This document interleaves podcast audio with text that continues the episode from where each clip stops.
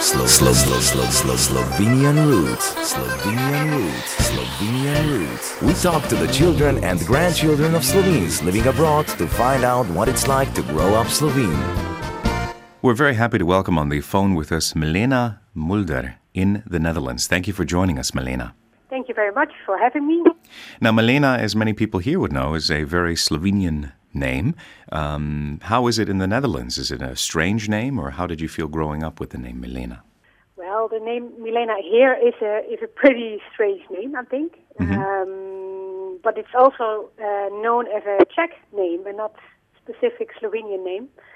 Uh, but everybody asks always, um, where does the name come from? So I always get a chance to explain what my uh, roots are. Right. Uh, I'm al- always very proud uh, to do that. For a lot of people, Slovenian Slovenia was always uh, a very unknown country. Mhm. But uh, I noticed that this, this is changing, that more people go to Slovenia for holidays. It's better now. People know about the country.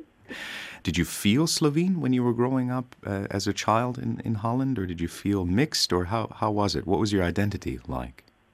When I was young, I had no idea it was uh, uh, special or different because I grew up in the south of Holland and in this region where there, are, where there used to be mines, uh, and the Slovenians came to the Netherlands to work in the mines.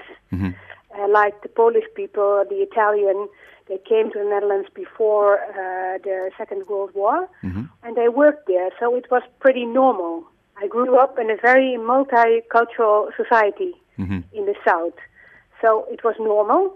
Mm, and for me, it was also very normal to uh, to to go on holiday and visit family every year. I didn't know that was special. Uh, I, I found out it, it was special much later, uh, when it was not not such so normal for me anymore to to go there.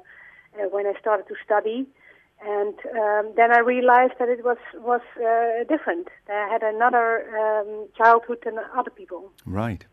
And in your childhood, were you exposed to many Slovenian traditions like potica and uh, the language? Of course, uh, we. Uh, what I remember the most is that we always uh, celebrated, of course, the Eastern Slovenian Eastern in uh, the Netherlands with the with the the, the Slovene society in uh, Limburg, um, and we went to church, and we did the processions on the streets with music every year, very early in the morning.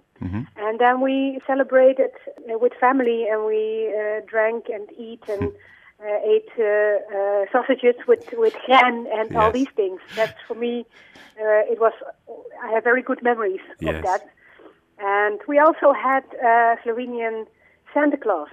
Mhm. So not uh, Christmas, but uh, the other celebration. You you have another name for it. This Dedek Mraz. Okay, Yeah. interesting. You uh, are very interested in your in your Slovenian roots and proud of them, as you said before, and you've even uh, written a book um, that has been translated into Slovene. Can you tell people uh, the title of the book and, and what it's about? Yeah, the, the title of the book is Stribuchem za kruchem, Mhm. uh, and it's about uh, my uh, Slovenian history. And I felt responsible for this story. And after my mother died in 1989, um, I felt I needed to do something because I didn't know a lot about um, the, the story of my mother and my Slovenian family. And so I started uh, searching for uh, uh, uh, my roots in the Netherlands, uh, in, in Limburg, at the mine re- in the mine region, and also in Slovenia. And uh, I, I talked to a lot of people, and they told me the story of the Slovenian community in the Netherlands. And this is also, of course, part of Slovenian immigration history. So that's why it was published in Slovenian language also. Uh, were there any surprises, or was there anything that shocked you when you were investigating kind of the history of, of, of your mother's family? Um, well, I, I didn't know that much about uh, Slovenia in Slovenians' role in uh, in the Second World War, and and I, I I of course didn't know that it was so complex. I should should have known, but I didn't know exactly. So for me, that was new. I didn't found the answers, all the answers about my, my family history. I didn't find out uh, what happened to my grandfather because he disappeared mm-hmm. uh, after uh, the Second World War, and um, I, I, came a long way, but I didn't I didn't find all the answers. So, mm-hmm. so that's a bit frustrating, but also I'm in peace with that. And the other thing I found out uh, while searching my uh, my roots is about cultural identity. Um, that um, this is not something static, you know, but, but it is dy- dynamic. It's it's fluid. Right. Uh, because when I was working on my on this story, Slovenian story, I felt completely Slovene. Mm-hmm.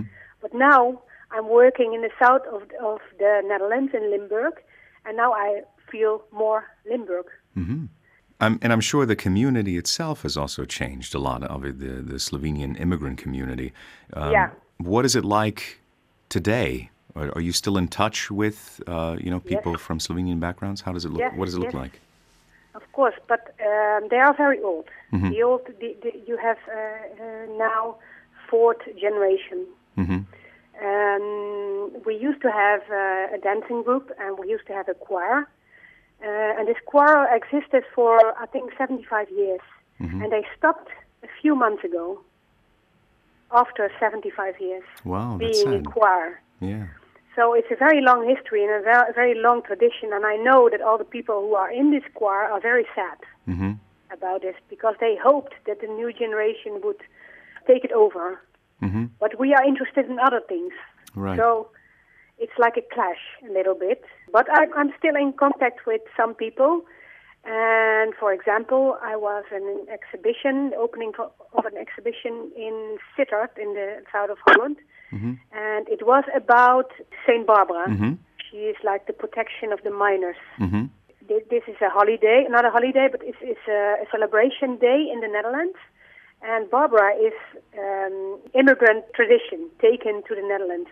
Right. Uh, and they had an exhibition about it, and they asked me who should we invite, and I told them there are some very enthusiastic Slovenian musicians. They are mm-hmm. very old, mm-hmm. but I still love to play and mm-hmm. sing. So I went there and I saw them uh, for the first time in three years, I think. And I found out, uh, I felt like uh, this is family, you know? Yeah. It was really special to see them again. That's beautiful. Well, Milena, yeah. thank you for speaking with us. Thank you for, for doing your part to keep uh, Slovenian culture alive. Uh, yeah. Your book, S trebuhom za kruhom, is available uh, for mm-hmm. anyone who wants to read it. It's been translated into Slovene. Uh, thank you very much, Milena, for speaking with us, and we wish you all the best. Thank you very much. This was Slo- Slo- Slo- Slo- Slo- Slovenian Roots. To listen again or find out more, go to www.radiosi.eu.